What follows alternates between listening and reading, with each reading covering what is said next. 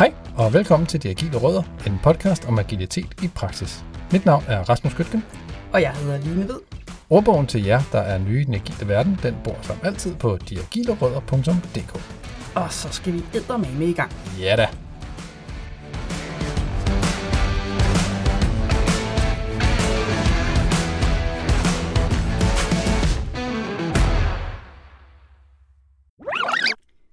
Men inden vi går sådan rigtig i gang, så har vi en opfordring til jer lyttere derude, for I kan faktisk komme med i podcasten. Ja, ja og det vil vi rigtig gerne have. Vi vil meget gerne have med.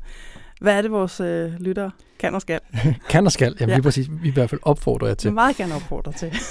vi, har sådan, vi har besluttet at lave et, et særafsnit, ja. hvor vi prøver at svare på nogle af de spørgsmål, som vores lytter de går og, og kæmper lidt med i hverdagen. Mm-hmm agile spørgsmål selvfølgelig. Ja, det er jo ikke, det, det, det, er jo ikke masser af monopolet, det her. Jo. Så, så meget brevkasse er det heller ikke. Nej, så, lige præcis. det skal være agilt. Præcis, ja. præcis.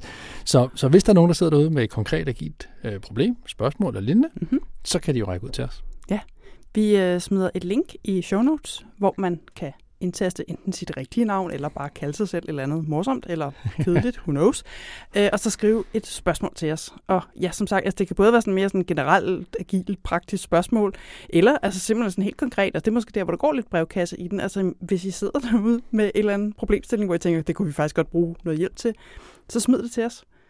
Så øh, kan det være, at I er heldige, at komme op af hatten, Yes. Og så kommer det ud, når vi starter vores tredje sæson en gang på den anden side af sommerferien. Præcis. Og Line, hvornår er det så, at uh, vi har deadline for at modtage de her spørgsmål?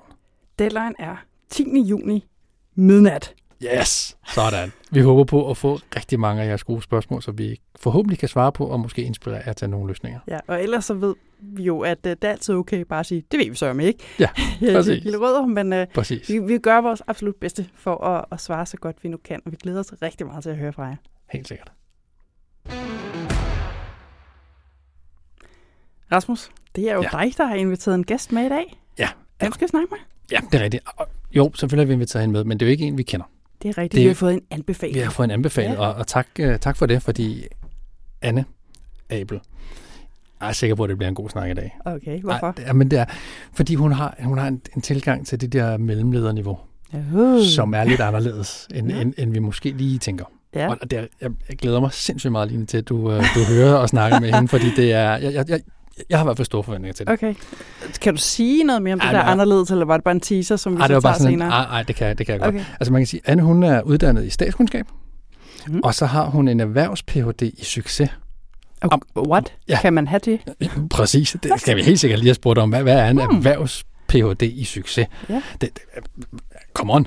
Det skal ja. vi alle der have. Øhm, og så har hun en forsøg hos Lego, ja. hvor hun har været med til ligesom at implementere noget af det agile, eller den måde, de har kørt det på, og kigge lidt på deres teamstruktur, og især på ledergruppen. Hvordan er mm. ledergruppen strikket sammen? Hvordan skal de organisere sig? Hvordan skal de arbejde sammen som ledergruppe? Og så er det lidt vigtigere emne, eller hvad man skal sige, lidt mere spændende, det er ja. omkring den her afdeling, afdelingsleder. Ja. ja. Og, og der er sådan en lille teaser, som, som går på, skal afdelingslederen dø? Altså, det store spørgsmål. Ja, men det store ja. spørgsmål, lige præcis. Ja. Og jeg glæder mig så meget til at få snakket om det. Ja, det vil jeg sige. Men jeg synes nu også faktisk, det du sagde først, altså det med, hvad sker der op i ledergruppen, mm.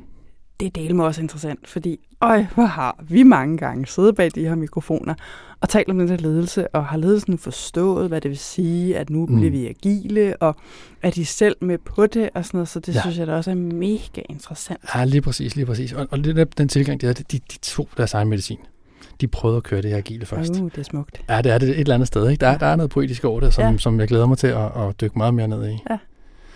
Er der, er der noget andet, du tænker omkring ledelse, vi skal have, have spurgt hende om, nu når, altså, det er, nu når hun er her jo? Ja, for pokker. Øhm, altså, jeg blev nysgerrig allerede der. Jeg godt tænke mig så at høre, hvad de fandt ud af, de der ledere, stakkels ledere, når de så rent faktisk begyndte at arbejde med det agile, om, om der gik nogle ting op for dem. Hmm. Og så selvfølgelig også den der med den der forbandede afdelingsleder. Ikke? Hvad skal ja. der ske med den der stakkels mellemleder, som står og måske kigger lidt over på Scrum Masteren, måske også kigger lidt over på PO'en og tænker, hvad, hvad gør jeg her? Ikke? Jo, jo. Øhm, så simpelthen bare Præcis. høre hendes take på, hvad skal der ske med, med mellemlederen? Har mellemlederen stadig et plads i en agil organisation? Og hvis mellemlederen har det, hvad i alverden skal den her stakkels person så gøre ja. for at blive en god agil leder på sit liv?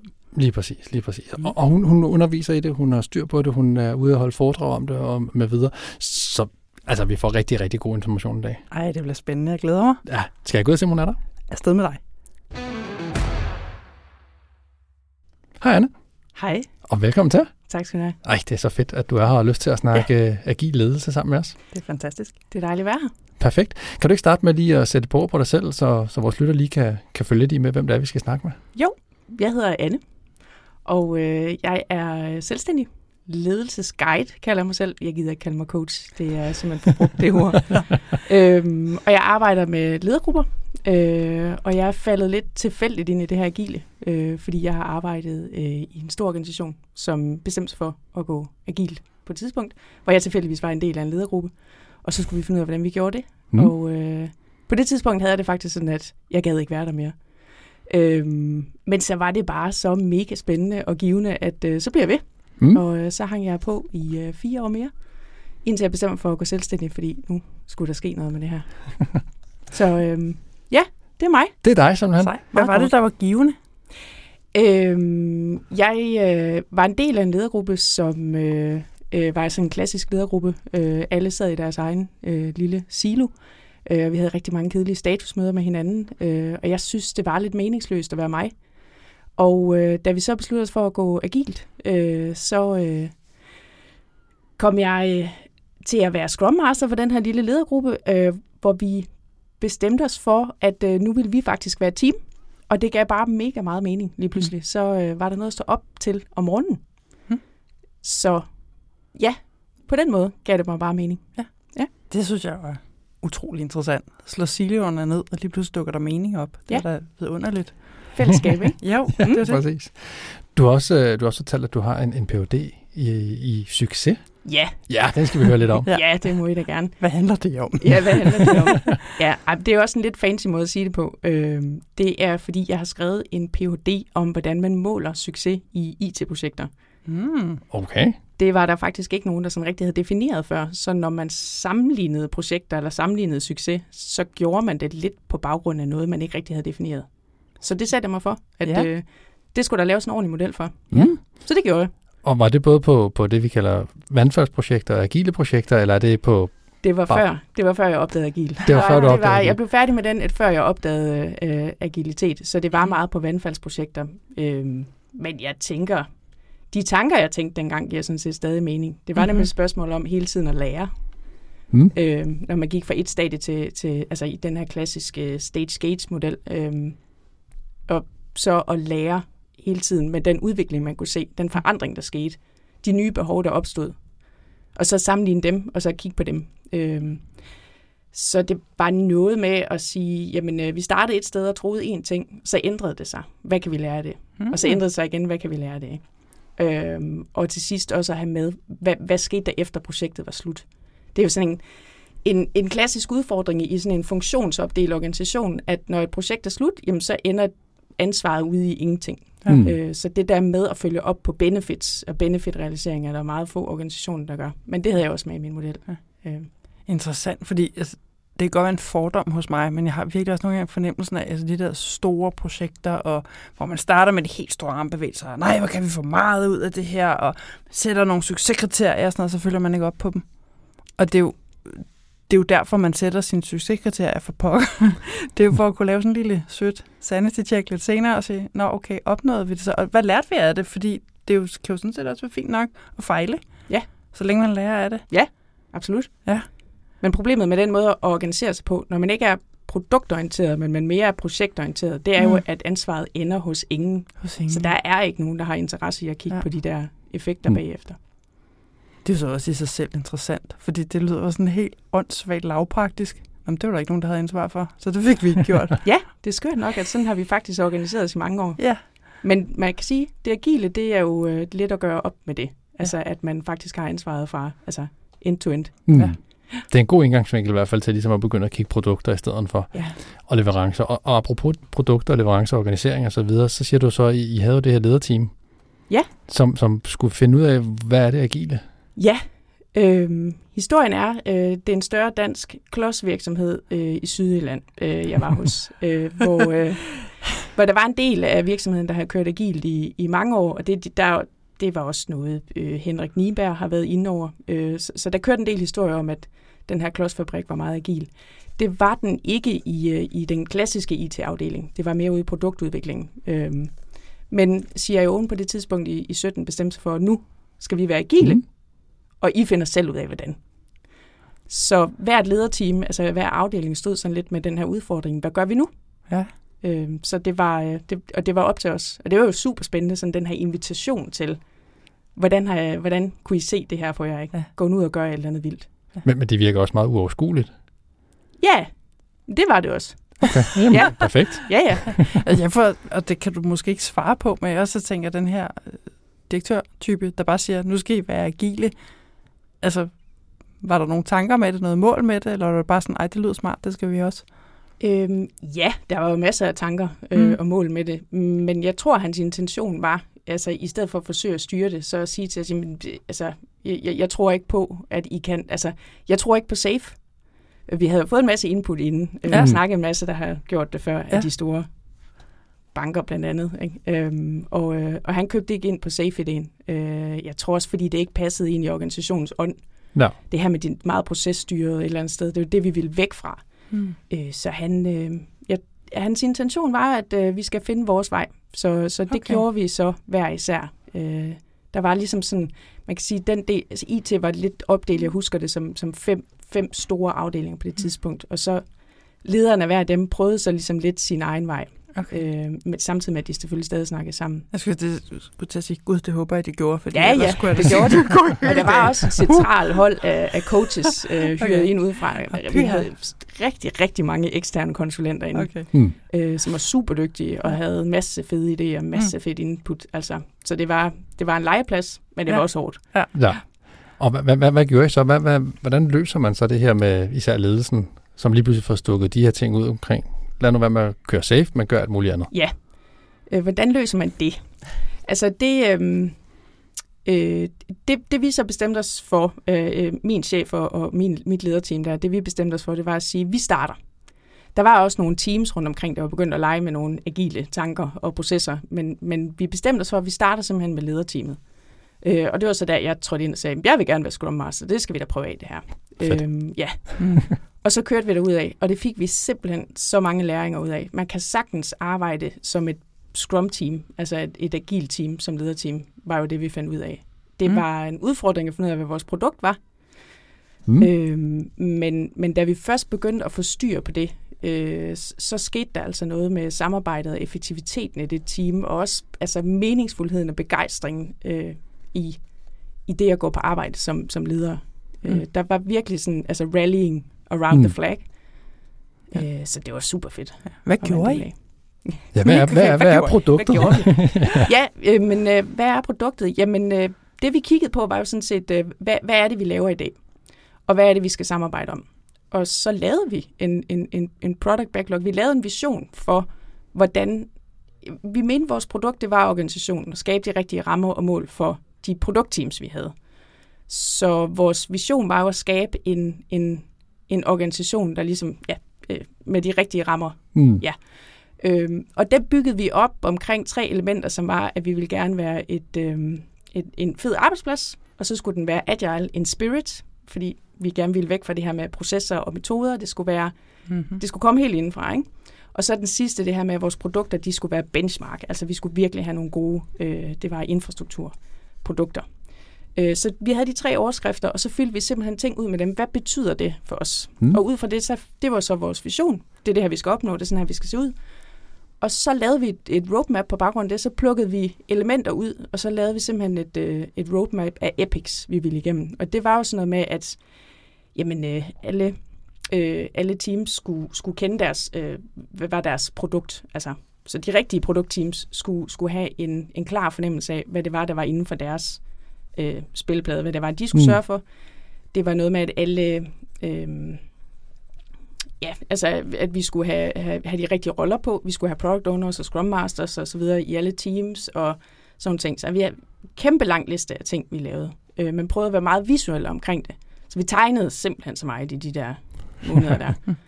øh, for at kommunikere det på en, på en måde, der var interessant. Og så... Øh, og selvfølgelig også handlede om, at der var vi vil gerne skabe høj altså, tilfredshed med altså, mm. medarbejdertilfredshed.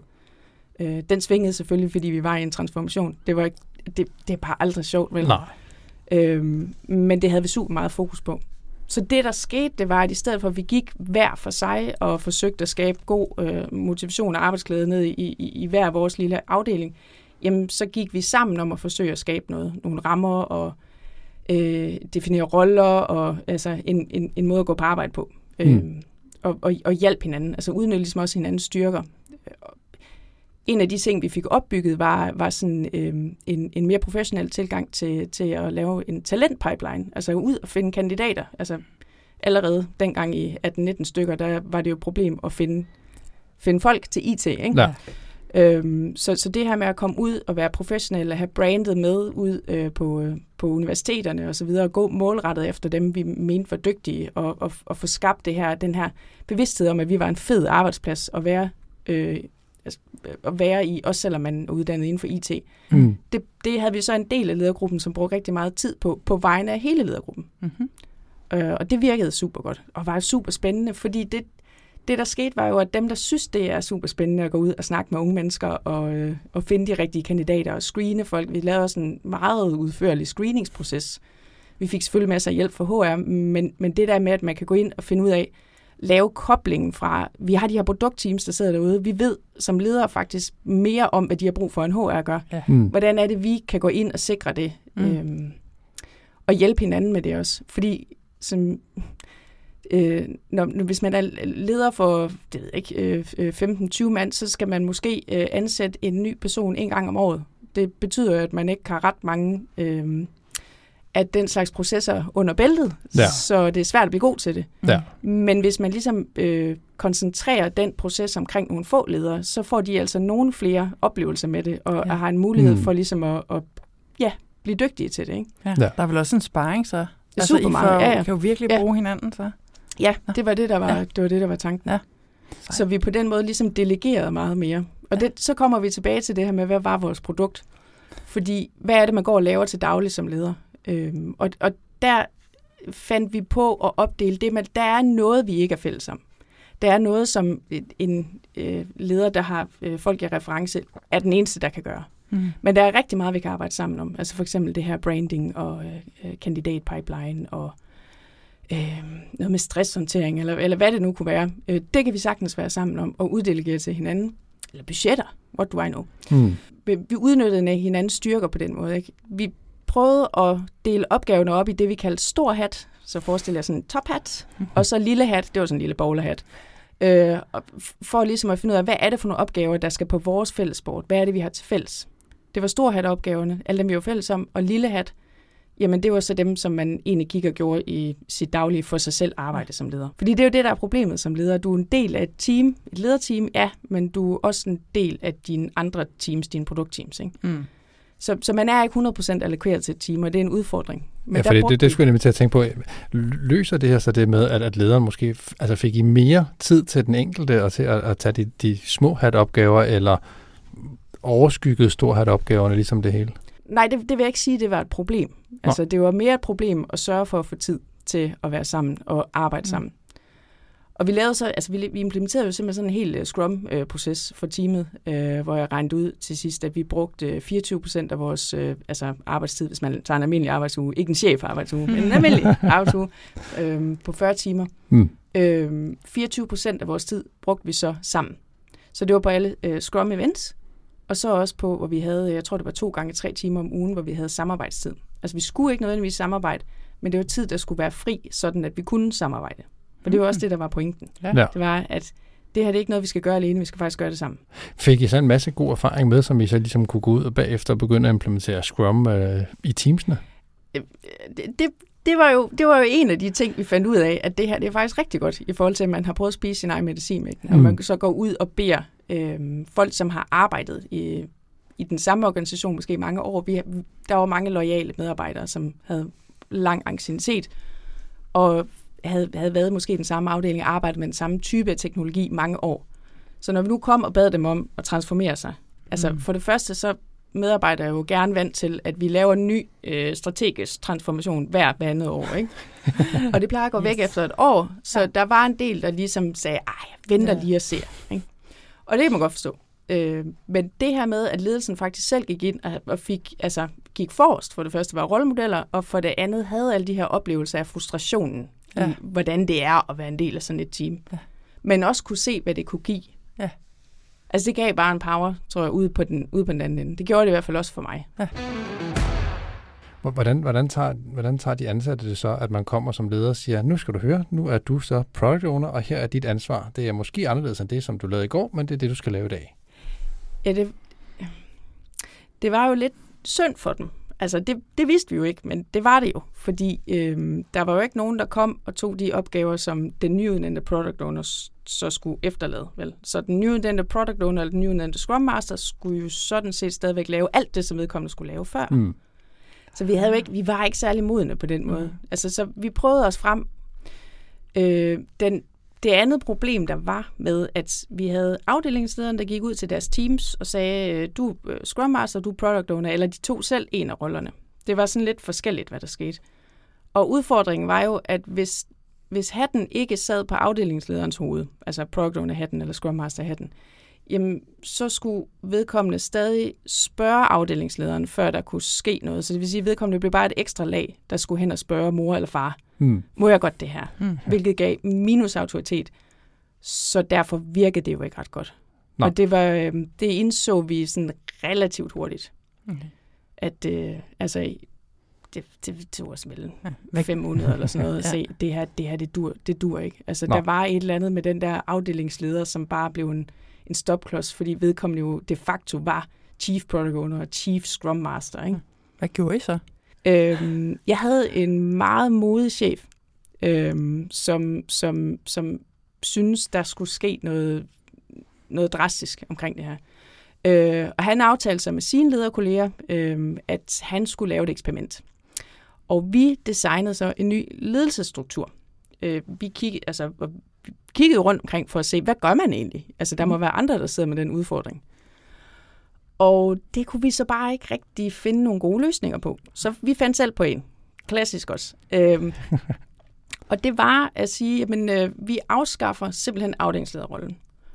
Og så har vi nu en stort lederteam af Scrum Master og Product Owners, og så opfandt vi en ny rolle, der ikke findes i Scrum, som var, vi kaldte det Organizational Lead, som var den person, der skulle tage sig af alt HR, altså alt people, menneskereferencer, træning, udvikling, øh, talent, øh, attraction, branding, så alle de der ting, man ikke kan finde ud af, hvor bor hen, som har noget med mennesker at gøre, det skulle så bo over ved, ved, ved de her organizational leads.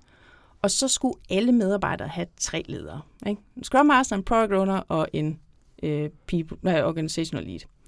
Det, det gav vel nogle udfordringer? Ja, ja. det gjorde det. Hvilke? Øhm.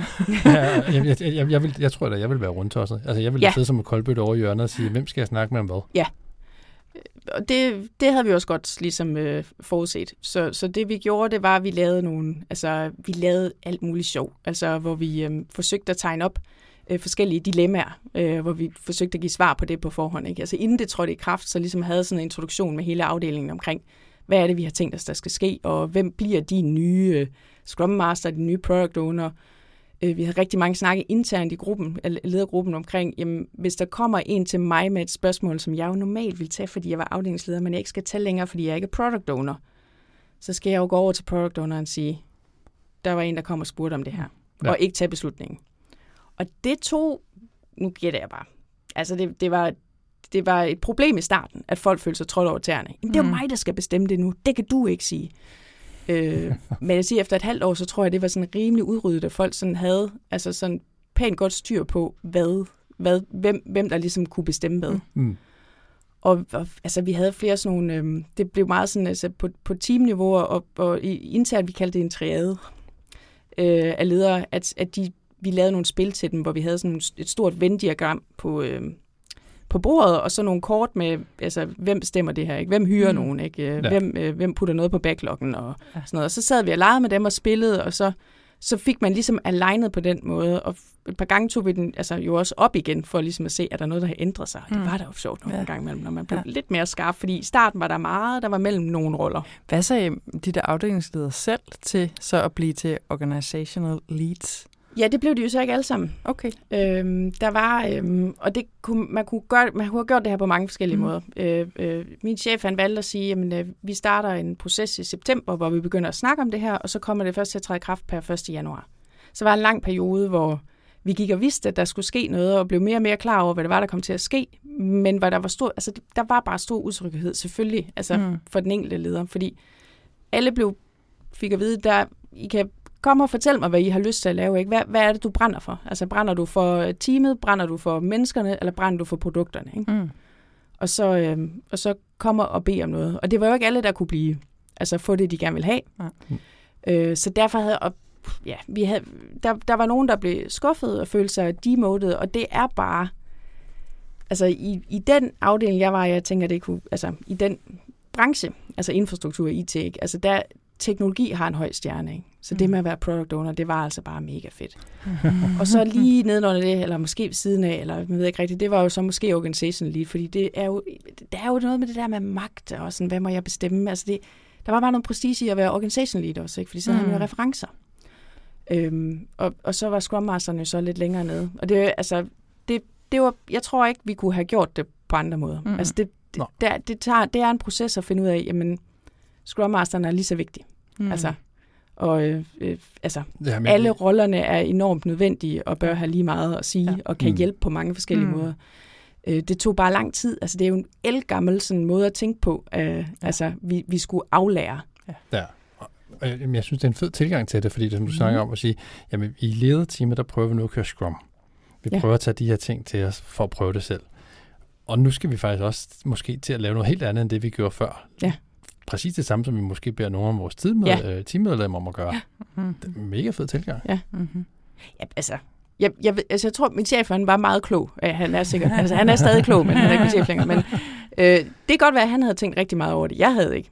Altså, men, øh, men, men havde øh, har oplevelsen senere og tænkt, det var, det, var, det var sgu da egentlig meget. Det skulle da meget smart. Ja. Havde I så stadigvæk uh, Scrum-teamet med ledere? Ja, øh, altså vi, havde, vi opbyggede det her Scrum-team, som øh, var min redning organisation i et stykke tid. Øh, havde virkelig den her følelse af, at det her med at arbejde sammen som team, som ledelse, det kan bare noget. Altså, mm. det var virkelig aha-oplevelse. Og det er også det, jeg lever af i dag. øh, men, men vi kunne også bare se, at når vi nu afskaffer øh, afdelingslederen, og vi udvider sådan set leder... Øh, øh, lederteamet med, med en hel masse flere. Altså jeg tror, jeg tror, vi endte med at være 25 ledere i alt, når man taler alle Scrum Masters, alle Product Owners og alle Organizational Leads med. Mm-hmm. Og det er for mange at have på et team. Altså, ja, ja det er ja. basic. Øh, hvor vi før godt lige kunne snige os inden for teamstørrelse. Øh, så så vi, vi var nødt til at eksperimentere med at dele os op, og så blev det mere til, i stedet for at vi mødtes meget alle sammen, så blev det mere til, øh, Scrum Masterne havde deres fælles projekt, hvor de havde et fælles sport, de kørte, men stadigvæk sådan Scrum-agtigt. Mm. Øh, product ownerne havde mere sådan et uh, community of practice, kan man sige. Og øh, organization leads, de arbejdede faktisk rigtig meget sammen som team og tog meget over for hinanden. Så det blev sådan lidt forskelligt, hvordan man så håndterede den der mm. overgang, men vi kunne bare ikke alle sammen være et team længere. Er det det, som, som der ligesom er det ideelle setup, når vi begynder at snakke det agile? Fordi der, er, der er masser af teorier, man kan sige. Nu har, har, har Klodsfabrikken øh, i Jylland jo fundet mm. en måde at gøre det på, og der er nogle helt sikkert andre virksomheder, der gør noget andet. Ja. Er, er, det, er, det, er det den rigtige tilgang, det her? Øh, nej, altså jeg, jeg, jeg tror ikke på, at der findes en rigtig tilgang. øh, jeg synes, det er et super spændende tid, vi er i lige nu, fordi vi stadigvæk er sådan, vi, vi kan eksperimentere med så mange ting. Øh, jeg tænker, det afhænger rigtig meget af konteksten øh, og det er ikke den rigtige, det er ikke den rigtige tilgang for alle. Mm. Især fordi det er så angstprovokerende. Øh, og hvis man, hvis man er måske en meget hierarkisk øh, eller konkurrencepræget måske, mm. øh, sådan, hvor, hvor det betyder meget med det her øh, magt og prestige. Jeg er ked af at sige det, men ja. altså, øh, så, så er det ikke sikkert, at det her det er den smarte måde at gøre det på. Men jeg synes, du, altså, I har jo ramt ind i noget der, altså ved både at sparke til, til lederne og sige, okay, nu skal I ud i nogle af de her forskellige roller, I bliver måske virkelig mere lige, men det er jo virkelig, altså apropos det, du siger der, altså det er jo lige præcis det, en hel organisation skal igennem, hvis man godt vil være agil, Og det er måske også der, hvor jeg synes, man nogle gange hører om nogle ledelser, hvor man tænker, jeg tror ikke, de helt har tænkt det igennem. Altså fordi hvis man virkelig godt vil have, at ens virksomhed er agil, så skal man jo sætte noget beslutningskompetence ned i teamsene. Det er helt ned på gulvet. Det betyder, at man selv skal give slip på ting. Det tror jeg ikke alle er klar over. Nej. Fordi, som du siger, altså hierarki og struktur betyder rigtig meget prestige. Ja, men vi havde, vi havde jo, jeg tror, vi, vi, kæmpe, vi kæmpede en del med den der omstilling fra, fordi det, fra klassisk afdelingsleder til noget andet. Mm. Fordi det, det, der tit sker for, for klassiske afdelingsledere, det er, at de selvfølgelig laver det, vi kalder ledelse. Altså de motiverer deres medarbejdere og sætter mål og rammer og alle de der ting. Men de laver også nogle gange specialistarbejde. Mm. Fordi mange af dem er rigtig dygtige specialister. Det er tit de dygtige specialister, der bliver forfremmet til at blive ledere. Ikke? Mm. Og, og, og, og nyder rigtig meget af det tekniske, så, så de vil gerne være med i de der konkrete ting, og være med til at tage de der konkrete beslutninger osv. Øhm, og øh, den, det der med at aflære det, det, det, det kæmpede vi rigtig meget med. Mm. Og, og nåede nok ikke rigtig i mål med det faktisk for, altså for mange af os, vores vedkommende. Øh, fordi der er noget tryghed i det, og der er også noget passion i det. Og, og helt sat på spidsen, så skulle nogle af os måske nok du ved, ikke have været ledere længere, men så skulle vi have været specialister ikke? tilbage mm. i den rolle, for det er faktisk der, hvor vi har vores energi. Mm. Men, men der er jo en karrierevej i det. Altså som du siger, det er jo specialisterne, der typisk bliver forfremmet til ledere, ja. og, og måske ser det som deres mål, og det er måske det, de gør allerede, når de kommer ud fra studiet og siger, ja. nu tager jeg den her vej, og den her vej, og nu har jeg det her step, så om fem år, så sidder jeg der på den trone. Og der må det jo være svært, at, og som du siger, at, at blive i så nedgraderet til, til Scrum Master, hvis det er det, man egentlig i det tilfælde mest havde brug for. Ja. Ja, Åh, den stakkels Scrum Master rolle, det er bare så synd for den, øh, fordi den er bare mega vigtig, ikke? Og man kan sagtens altså, øh, gøre den meget større, ja. og det mm. arbejder vi sådan set også med. Vi lavede for eksempel nogle øh, beskrivelser, altså rollebeskrivelser, hvor, hvor vi lavede sådan en, øh, hvordan er man sådan, ikke junior Scrum Master, men, men altså forskellige niveauer af, hvor meget mm. gør man egentlig, sådan at man kunne se, at jeg kan vokse i den her rolle, jeg kan gøre en karriere ud af det. Mm. Fordi der er jo, altså, det, altså, ja, du kan Scrum for et team, men i sådan en stor organisation er der i den grad behov for nogen, der kigger bredt mm. og tager de, altså, altså processerne. Og når du, når du arbejder i IT-infrastruktur, har du også den her lille, lille sten i skoen ved siden af, der hedder ITIL. Jeg ved ikke, om det siger noget. øhm, som, og de, altså, jeg ved ikke alting om ITIL V4, men ja, det jeg har læst om det, og det vi er begyndt at arbejde med, synes jeg er mega spændende, men det kræver altså mega meget at få det implementeret. Fordi det er jo sådan noget med mindset i stedet for øh, ejerskab. Ikke? Så er det ja. mere sådan, at vi skal faktisk alle sammen gøre noget. Det er jo inde i DevOps-tankegangen. Ikke? Ja. Og det, øh, altså hvor, hvor bor det henne? Det, det tror jeg aldrig, vi finder ud af. Men, men det er der, hvor jeg tænker sådan noget Scrum Master, øh, øh, virkeligheden, der er kæmpe meget i den rolle, mm. øh, som, man kunne, som, som jeg tror, det, det fik vi aldrig rigtig udnyttet. Øh, og vi fik aldrig rigtig vist hinanden, at, at det er faktisk det, den her rolle, den kan. Det er faktisk det, der er vigtigt i den, blandt andet. Altså, jeg har siddet som uh, Scrum Master i en virksomhed på nogle 40 mennesker. Der har man også brug for at se udad fra IT-teamet, kan jeg ja. godt afsløre. Altså, fordi at det betyder bare alt, hvad der foregår i forretningen. Altså især, det her var en digital virksomhed, men altså selv ikke digitale virksomheder har jo stadig en IT-afdeling ja. i dag. Og stort set alt, hvad der sker i forretningen, det rammer dernede på et eller andet tidspunkt. Ja. Så hvis du ikke kan påvirke det, så øh, er det altså begrænset, hvor meget du kan gøre for teamet. Ja, lige præcis, fordi det er jo et spørgsmål om flow i sidste ende, og, og det er jo det, som sidder som Scrum Master og kigger på, så det er jo selvfølgelig vigtigt at være, ja. være inde i over alle de ting, der nu engang kører på tværs af, af virksomheden. Nu snakker du så om, for at, at det måske ikke var den rigtige vej at gå. Hvad, hvad er den helt optimale vej at gå som lederteam i et, i et agilt setup, når man skal i gang? Hvad, hvad er det første step, man skal gøre, når man sidder ude i en virksomhed nu og tænker, nu skal vi køre agilt, og CIO'en kommer ned og siger, Anne, nu øh, vil vi rigtig, rigtig gerne i gang. Hvad, hvad, hvad er det første, man gør? Det, jeg kan sige, vi ville have ønsket, at vi havde gjort mere ud af. Vi troede, vi gjorde nok ud af det, men det gjorde vi ikke. Det var at forklare, hvorfor.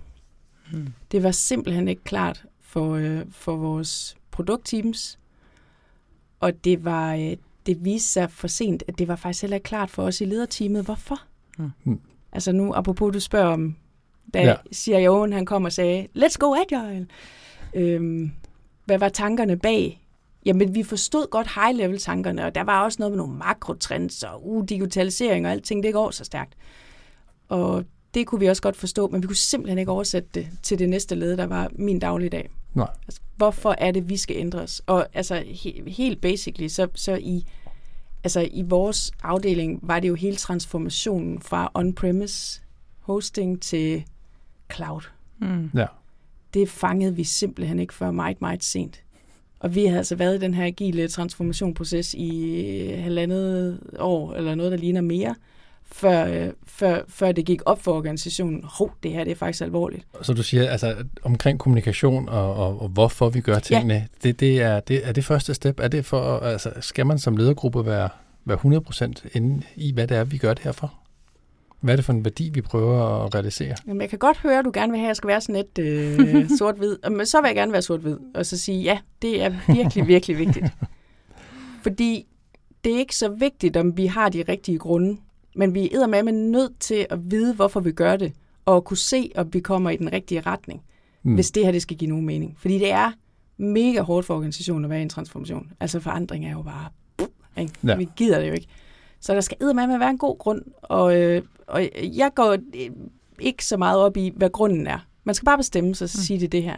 Og man egentlig altid lave om på den, når man bliver klogere og finder ud af, at det var faktisk slet ikke det. Eller Nå. det kunne vi blive meget bedre til, vi har sat barn alt for lavt, eller hvad det nu er, man finder ud af.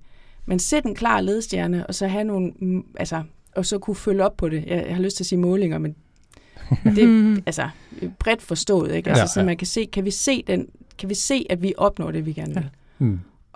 Og apropos tilbage til jeres, den her PUD, jeg har skrevet om succes, det er bare vigtigt. Ikke ja. at man får nælet den i første omgang, det er ikke vigtigt, men det er vigtigt, at man lærer, og at man er målrettet. Ja. Mm-hmm. Fordi ellers er det jo lige meget. Ja. Jamen fuldstændig. Altså, jeg har, og jeg tror også, jeg har sagt det flere gange i den her podcast, jeg, jeg har flere seancer med ledere, som, som tænker, om det der safe, det, det er rigtig smart, det skal vi have.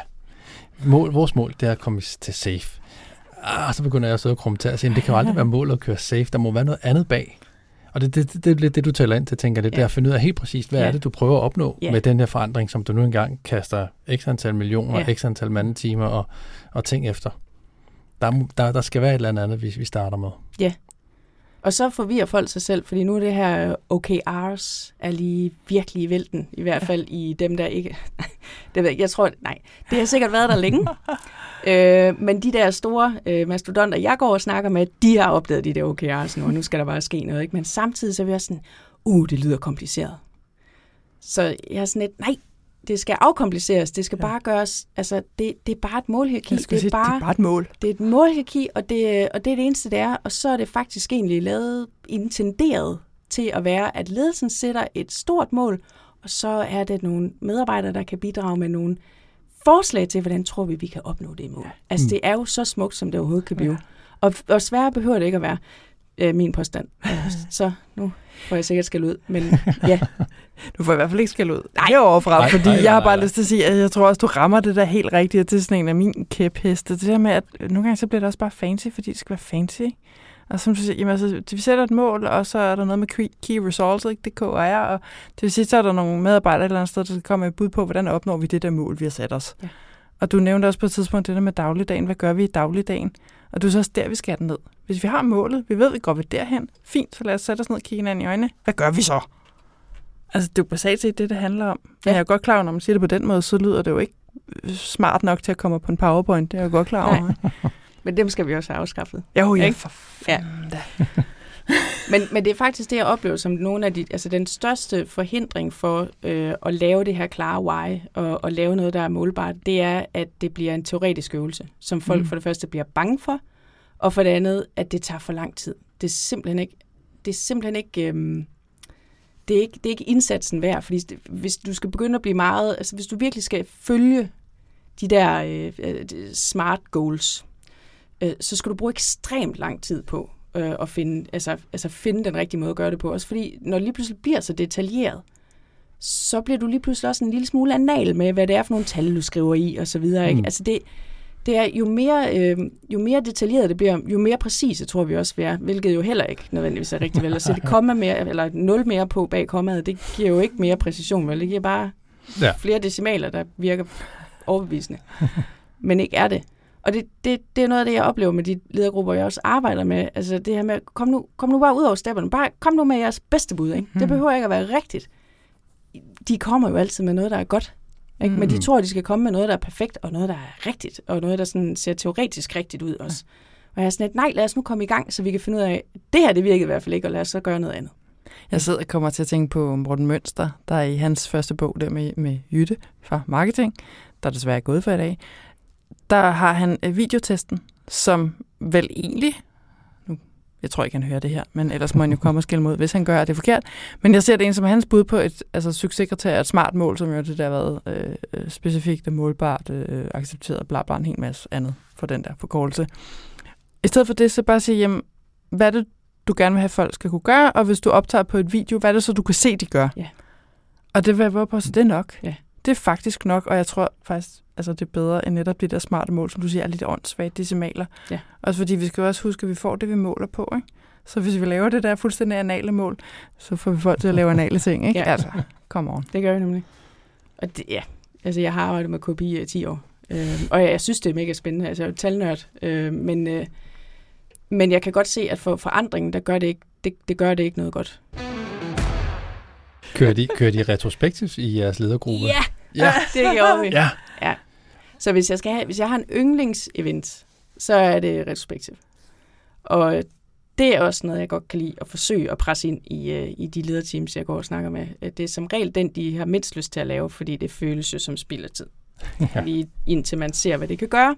Mm. At det jo faktisk er at tage alle de frustrationer, de går med i det daglige, hvor der ved Gud er mange af dem, og så sige, hvad for nogle er vigtige, og så få det lavet om til konkrete actions, nu går vi ud og gør noget ved det. Og vi putter det på vores board, så der sker noget. Og Det var, øh, det havde vi rigtig meget ud af. Vi brugte alle mulige metoder. Altså, det var der, jeg var mest kreativ. Altså, Ja. der blev, altså, vi prøvede alt muligt skørt. Jeg lavede retromater og En Altså, retromat? ja. Ja, den blev nødt til at sige noget om. Det var den første, du nævnte. Den skal vi høre noget mere om. altså det her med bare at have alle mulige forskellige øvelser, der tager os igennem det, sådan at folk kunne genkende, de kunne genkende strukturen, men der skete noget nyt, og så lavede vi sjov blade.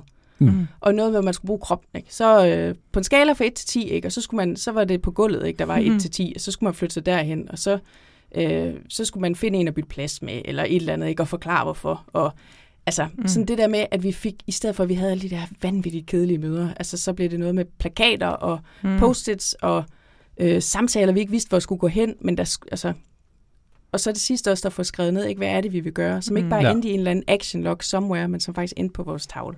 Hvor ofte kører de så retrospektivt i ledergruppen? Ja, vi efter hvert sprint. Okay, så I fulgte simpelthen vi ja, fulgte- Scrum-processen? Det gjorde vi. Ja, det er i orden. Vi har jo allerede forberedt dig på, at vi godt kan lide at tale det agile manifest Ja. her i Rødderne. Ja, det bliver man heller ikke træt af, vel? Ej, det gør man ikke. Nej, man ikke. tale om, det gør man Overhovedet ikke. Vi plejer at spørge vores gæster, om der er en af de der fire værdier, som vores gæster synes giver mest genklang i deres hverdag. Og så vil vi også gerne bare høre om holdninger til det agile manifest. Hvad Ja. siger du til det? Har du nogen bud der? Ja, men øh, altså, jeg har jo en favorit, Uh, Mm. og Er det, er, jo, øh, det er jo nok people and interaction. yeah. Ja. Ja, det er det. Øh, det ligger jo lidt til grund for det meste af den venstre side. Øhm, og, og det er nok også det, der lige segwayer over min holdning til det agile manifest. Ja. Altså, jeg, jeg synes, det holder 100. Jeg synes, det er mega fedt. Mm-hmm. Øhm, og min, mit lille lag ovenpå er så, at øh, vi øh, har været super dygtige til højre side jo, men venstre side har vi ikke været så dygtige til, og det er fordi, den er svær, fordi det handler om mennesker. Mm. Mm. Altså det, øh, ja, det, Ja. det er simpelthen min, min ting. Altså, var, var det noget, I havde med, da I, I, i klodsfabrikken begyndte at kigge på det Nej. agile? Slet Nej. ikke. Det Nej. er sådan noget, jeg har reflekteret over senere. Okay. At, øh, og fordi det havde vi slet ikke tid til at reflektere over. Altså det der med mennesker, det er jo igen ligesom det med Scrum Master-rollen og alt det der. Altså det, Ja. det Mm. bliver bare, altså, der er bare ikke så meget prestige i det. Nej. Og det er måske, Mm. fordi det er svært. Øh, og fordi, øh, hvis du skal være rigtig god til mennesker, så er du ikke så god til kon- konkurrence, så handler det ikke så meget om magt, og så ved jeg, ved, jeg, jeg ved jeg, er, jeg er ikke færdig med at, at forstå, hvorfor. Øh, Det var en ret interessant refleksion, synes jeg, det, om det er der, den ligger. Ja. Eller kunne ligge, fordi jeg tror, du var fat i noget der. At netop, ja, hvis man godt vil mennesker, vil man for det meste gerne noget med trivsel og samarbejde. Og så bliver vi altså nødt til at skrue ned for de der spidse albuer. Ja. Hmm, måske. du har lige sendt mig til, i tænkeboks. Okay. Jamen, det var da, Stop det var da positivt. Ja, stop, stop, så går vi hjem igen. Jeg skal lige tænke. er det noget, når du, når du er ude og snakke med lederteams og ledergrupper, og, og hvem du ellers snakker med, er det så de bløde værdier, du også prøver at, at, at ligesom, jeg vil ikke sige prædike for dem, men fortælle, at det også er en vigtig komponent? Altså, ja. Jeg tror, det bliver mere og mere klart for mig, at det, det, det er jeg nødt til at være lidt mere eksplicit om. Øh, jeg er jo sådan en, der godt kan lide at skabe relationer og skabe tryghed. Mm. Og vise, at øh, det er okay at fejle, og det er okay at være usikker, og det er okay at synes, at det er svært. Og det, det, det er jo sådan noget, jeg bare tror jeg, prøver at signalere. Øh, men jeg tror, jeg skal være mere eksplicit omkring det, fordi jeg begynder at forstå, at det er jo ikke alle, der er ligesom mig, og, og har den øh, øh, forståelse af verden. Øh, men, men det er det, der skal til, for at de der lederteams, de kommer til at arbejde sammen. Det er, at de tør at være ærlige for hinanden og vise, øh, og vise sårbarhed. Og bygge de her relationer. Mm. Altså tillid øh, er jo simpelthen så vigtigt. Og, og tillid får man jo ved at, at få nogle oplevelser af, at det er trygt, og, øh, og, og, og vise, at man ikke kan. Og det er sjovt, at det ikke altid fordi, at lederlederen øh, lederlederen forstår ikke, hvorfor der ikke er tryghed, og, og hvorfor, øh, fordi lederlederen siger, jamen, jeg har jo sagt til den, det er okay. Jeg har jo, jeg har jo, jeg har jo sagt, min dør er åben, og, og ikke sige, noget. Ja, den men, er åndssvage åbne dør, jeg er så sur på den. Min dør er altid ja. åben, ja, det er fint. Jeg ved det godt, den, den, er, den, den er ikke, men, men, men på, også på den her måde, jamen, jeg sidder jo lige over for dem og siger til dem, det er helt okay. Det er helt okay, at I kun kunne tage to story points i det her sprint ja, det var ja. for at signalere, at det var ikke ret meget. Så lederen siger, det er helt okay. Og stadigvæk er det ligesom, at medarbejderne, altså led, lederne i gruppen ikke rigtig mm. hører, at, ja. at, at det er okay, fordi man er simpelthen ikke, man, man har ikke opbygget nok erfaring med, at det er okay. Nej. Det tager bare mega det lang tid. Det er jo det forbandet ved tillid i. Det er sådan, du kan rive det ned meget, meget hurtigt og meget, meget effektivt på sådan ja. cirka to minutter. Ja. Det tager jo altså måneder og år at opbygge. Ja. Og jeg sad faktisk lidt og tænkte, for jeg tror måske også, at man der banker hovedet ind mod den der konkurrenceting, altså som jeg i hvert fald forestiller mig foregår endnu mere på lederniveau. Og altså, jeg har tænkt ret meget over netop det der med tillid og konkurrence, fordi jeg kan blive blæst helt bagover, når jeg står med et team, der virkelig begynder at have tillid til hinanden, og virkelig begynder at samarbejde. Altså jeg ved godt, at magi i Harry Potter bare er fiktion. Men jeg synes, vi kommer meget, meget tæt på ja. noget magisk, når sådan en team virkelig fungerer godt, ikke? Og så tænker jeg, okay, det er for vildt, det det kan der. Så de der mennesker, der render rundt og synes, konkurrence er det vigtige, om det er der, vi virkelig performer. Og jeg tænker, er det mig, der er dum og ikke har forstået noget her? Eller er det simpelthen, fordi de aldrig har oplevet andet? Altså, og så fordi også, at konkurrence har bare i så mange år været det, der hedder sig, at det er det, der skaber performance. Men jeg har sådan, nej, det er, at det er samarbejde og tillid. Jamen, enig. Mm. Altså, når man først har prøvet sådan et team, ja. der samarbejder, sådan rigtig samarbejder, så vil man jo ikke væk igen. Vel? Nej. Og man, man græder den dag, man mister det. Ja. Jeg er fuldstændig enig. Og, øh, og det, tror jeg, det, det, jeg arbejder med i dag, det er at forsøge at få lederteams til at forstå, det er ikke en konkurrence mellem jer. Øh, I kan faktisk stadigvæk godt være vildt individualister og vildt specialiserede, vildt dygtige til jeres unikke ting. Mm. Men hvis I nu altså uddelegerer, specialiserer i jeres lederteam, som jeg snakker om før, det her med, mm. jamen, der er nogen, der er vilde med branding, der er nogen, der er vilde med budgetter, jamen for hulen der, så gør der dog dygtig inden for det, og så shine på den måde. Ikke? Fordi hvis I gør det, så kan I jo faktisk samarbejde. Hvis mm. vi er konkurrence på alle parametre, vi skal alle sammen kunne løbe lige hurtigt, vi skal alle sammen kunne ansætte de bedste, vi skal alle sammen øh, øh, lave den bedste strategi, øh, ja, så, så er det en konkurrence, ikke? og så, så bliver vi heller ikke gode. Altså, fordi så skal vi være gode til alting, og, mm. og det, det, og det er vi heller ikke. At, jeg, jeg tror i hvert fald på, at man kan blive, altså, mm, vi vil få sindssygt meget ud af, hvis vi rent faktisk øh, forstod, at vi kan være unikke og fantastiske og mega dygtige på hver vores område, mm. i stedet for at være i konkurrence med hinanden. Og så samarbejde. Ja. Ja. Hvad, hvad gør du for at banke den pointe ind i hovedet på dem? Jamen, jeg tror for mig, altså det, det handler om at skabe oplevelsen igen. Er ligesom det med tilliden. Mm. Altså det der med at have en oplevelse af, at der er nogen, der er nogle andre lederteamer, der bliver taknemmelige for, eller bliver imponeret over, når de har uddelegeret noget til nogen, og det så er blevet mega godt. Hmm. Altså så den der med at sørge for at synliggøre, ikke? få det nu gjort, ikke? få nu uddelegeret. Og hvad sker der så, når, de, når det bliver uddelegeret? Synes vi så, det er fedt? Ja, det synes vi. Så jeg tror, jeg tror simpelthen ikke, man kan, man kan ikke tale ind i den, fordi det er sådan en, ja, ja, jeg forstår godt, hvad du siger, ja, ja, ja. samarbejde, ja, ja, det er fint. Ja. Øh, men konkurrence, ikke? Jo. øhm, altså, man er simpelthen nødt til at have mm. oplevelsen. Ja. Og så den vej rundt, så kan vi måske på et tidspunkt begynde at snakke om, var det ikke det, der skete? Nå jo, det kan godt være, det er det, der skete. Mm. Men, okay. ja. Learning by doing. Ja, learning ja. by experience. Anne, vi skal have rundet af nu. Tusind, tusind tak, fordi du havde lyst til at være med. Det har været meget inspirerende. Ja, det er fantastisk. Det er en fornøjelse. Hvis folk nu har lyst til at høre meget mere om ledelse og agil ledelse, og hvordan vi strukturerer lederteams osv., og, så videre, og, og tænker, at det kunne være interessant at snakke med dig, kan de så få fat i dig på en eller anden måde? Ja, det kan de. det er godt. Ja, endelig. Også bare til en snak. Øh, jamen, de kan finde mig på LinkedIn, Anne Abel. Eller også så kan de finde mig inde på min hjemmeside, mm. som er drabel.dk, altså drabel.dk, uh. og det er med to eller. Sejt. Sådan. Ja, det er lidt besværligt. Ja. Vi, skal, vi linker til det i show notes, så Fedt. bliver det meget nemmere. Ja. ja. Perfekt. Tusind tak. Tak.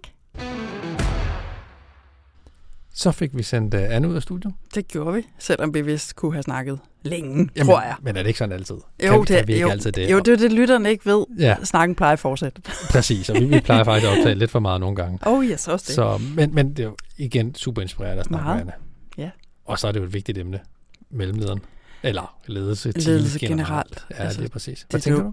Altså, jeg tænker jo for det første, som siger, det vigtige, det dukker jo nærmest op i hver episode, vi laver. Altså, uanset hvilket emne vi sådan forsøger at få på banen, så på en eller anden måde, så kommer vi jo til omkring ledelse. Mm. Fordi der ikke er nogen, der har taget stilling til ledelse i de der forskellige agile metoder. Ja. Så det er jo super vigtigt emne.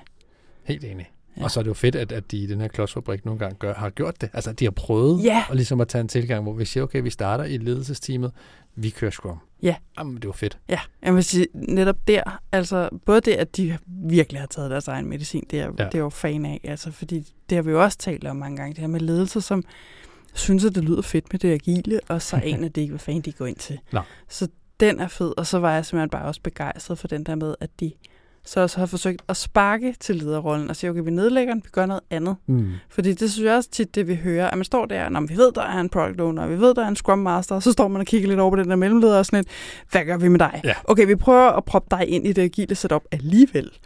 Og det synes jeg, vi kan høre efter, det er en dårlig idé. Og det tror jeg også, at det vi begge to har oplevet, det er en dårlig idé. Og så synes jeg jo bare, at det er super smart, at, eller smart, det er i hvert fald interessant, at de simpelthen har sagt, at vi nedlægger afdelingslederen, og så opfinder vi altså vores egen agile rolle, og så prøver vi at se, om vi kan få det til at fungere. Jamen helt sikkert. Og, og, og lige præcis, altså igen, hvis vi fortsætter i snakken omkring, jamen, hvad gør man, altså, hvordan bliver man typisk mellemleder? Jamen det er fordi, du sidder med et eller andet specialistområde, mm. og du har brug for at stige grader. Der er en eller anden karrierevej, der ligesom føler og, og taler til dig, og du kommer op af. Det gør dig jo ikke nødvendigvis til en personaleleder, der er god til de bløde værdier, hvis det er, at du Nej. kender rigtig meget om SAP-systemer. Nej, lige øh, præcis. så det med, at man ligesom kan sige, at mellemlederen i det her tilfælde er, er, er, er blevet afskaffet, mm. og du får lov til at vælge. Ja. Er de bløde værdier, øh, Scrum Master? Er det, det produktet, PO? Er det det hele det organisatoriske og alt, hvad der hører til det? Jamen, så har du den her organizational lead. Ja. Det, jeg synes, det er en sindssygt god tilgang til det. Det er en meget god tilgang til det. Og så synes jeg, der ligger også noget helt andet, det kommer vi ikke ind på, og det skal vi måske også passe på med at komme ind på for meget der. Det er bare sådan endnu en af mine kæpheste. Faktisk det der med, at man netop ofte får frem af specialister til ledere. Mm. Og det altså, bare fordi du er super dygtig inden for dit fag, så er det altså ikke sikkert, at du bliver en god leder. Nej. Og det er jo faktisk netop det der med det bløde. Hvis du skal være en rigtig god, i hvert fald en god personaleleder, så skal du altså være god til mennesker. Ja. Og de to ting hænger altså ikke nødvendigvis sammen. Nej. Og der synes jeg, at det er synd, at man ikke i stedet for fokuserer på at få lavet en form for stigning øh, inden for specialerne, frem for bare at sige, så skal du bare være leder. Og jeg ved ja. ikke, om, om det her er en af løsningerne, for jeg tænker, måske er det så mere oplagt for eksempel product owner, fordi du så skal til at tage nogle beslutninger på produktets vegne. Mm.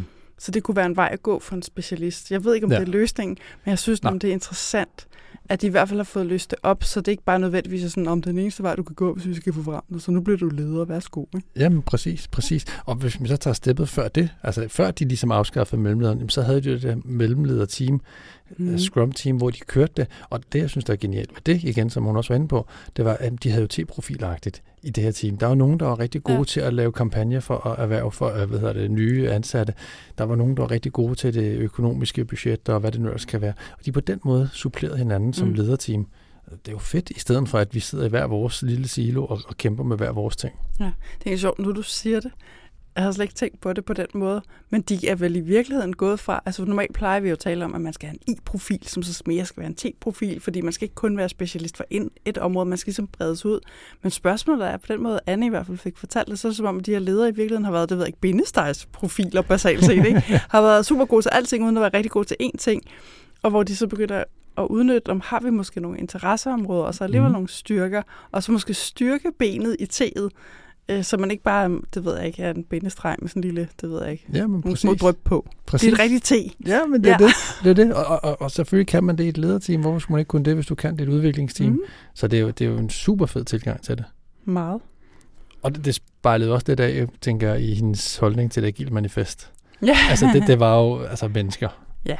People, ja. eller hvad hedder det, individuals and interactions over processes and tools. Ja. Det, det er jo, altså det, jeg har sagt det før. Det er også min yndling. det er også min yndling. Jeg synes jeg altså også, hun sagde noget vigtigt, og det ved jeg også, vi har været omkring før. Men det der med, at det der med mennesker er komplekst, og det er besværligt. Og altså, jeg bliver, begynder faktisk at blive glad, hver gang vi kommer omkring den. For jeg synes faktisk, det er noget, man burde være meget, meget mere bevidst om, og også anerkendende over for. Og det er den der sædvanlige sang med det der meget om bløde kompetencer, og det der med at kunne noget med mennesker. Det bliver altid sådan lidt sekundært, og som om det er sådan noget lidt flødeskum, du får med. Mm. Det er super vigtigt, og det er ikke bare vigtigt, men det der, det er svært. Det er helt det er vildt svært. Jamen præcis, og det er også derfor, der er folk, der har gjort karriere ud af forandringsledelse. Ikke? Altså, oh, yes. Fordi netop, når vi kommer ja. ind og begynder at kigge agil og tænker, nu ændrer vi nogle arbejdsprocesser, og det er så uanset, om det er et vandfaldsprojekt, eller et agil projekt, eller hvad det er for en organisation. Mm. Men i det øjeblik, du begynder at ændre den måde, som folk de arbejder på, jamen så er du nede og røre ved deres identitet på en eller anden måde. Yeah. Og, og det er jo sindssygt svært. Det er jo ikke noget, man bare lige gør. Ja, og det er, også, ja, det er svært, og jeg har bare også indtryk af, at der er mange, der sådan nogle gange kan blive sådan lidt irriteret. Jamen nu har vi besluttet os for, at det skal være sådan, og så må ja. folk ligesom bare følge trop. Ja. Og så som man glemmer, at jamen, det kan jeg da godt forstå, at du godt vil have, det var sådan, det var, men nu har du ikke robotter ansat på din virksomhed. Du har en hel masse mennesker. Mm. Så det bliver du nødt til at forholde dig til. Altså, Præcis. jeg synes, det er lidt sjovt, den der frustration, jeg nogle gange spotter. Altså, det der er også irriterende. Det er fuldstændig rigtigt, men det får det ikke til at gå væk, at du synes, det er irriterende. Nej, nej, præcis. Så følg andres råd. Tag din egen medicin. Gør det i lederteamet. Strukturer jer som, som et scrum team. Ja. Glimrende råd. Det var alt for denne gang. Du kan skrive til os på hej eller på LinkedIn, hvor vi har en side, du meget gerne må følge. Vi bliver også rigtig glade, hvis du kunne finde på at dele podcasten med dine agile venner. Og vi bliver også rigtig glade, hvis ikke endnu mere glade, hvis du finder på at give os en rating i din podcast-app. Og det er uanset, hvilke stjerner du giver os. Vi vil rigtig gerne have noget feedback. Og du kan som altid finde os og podcasten og ordbogen på diagileråd.dk. Og så deler vi selvfølgelig alle relevante links fra dagens episode i show notes. Jeg hedder Rasmus Skytgen. Og jeg hedder Line Hvid. Vi høres ved. Jamen, prøv, der er jo næsten energi fra starten af. Fuldstændig. Ja, skal vi tage den igen? Ja, ja. Jamen, bare fordi vi kan. Og nu på jeg havren. okay, men så prøver vi. Nej. Jamen, nej, men du kan da ikke lige, du kan da ikke ændre det. Det er fordi, at jeg synes, det er en god idé, indtil jeg kommer i tanke om, hvordan jeg synger. Jamen, jeg synger også synes jeg, det. skide godt. Men prøv, det gælder ikke om at kunne synge. Nej. Det gælder om at kunne synge højt. Øh, øh, øh. Jamen, så lad os, lad os prøve den. Det gælder ikke om at kunne synge. Det gælder om at være med. Ja, det er rigtigt.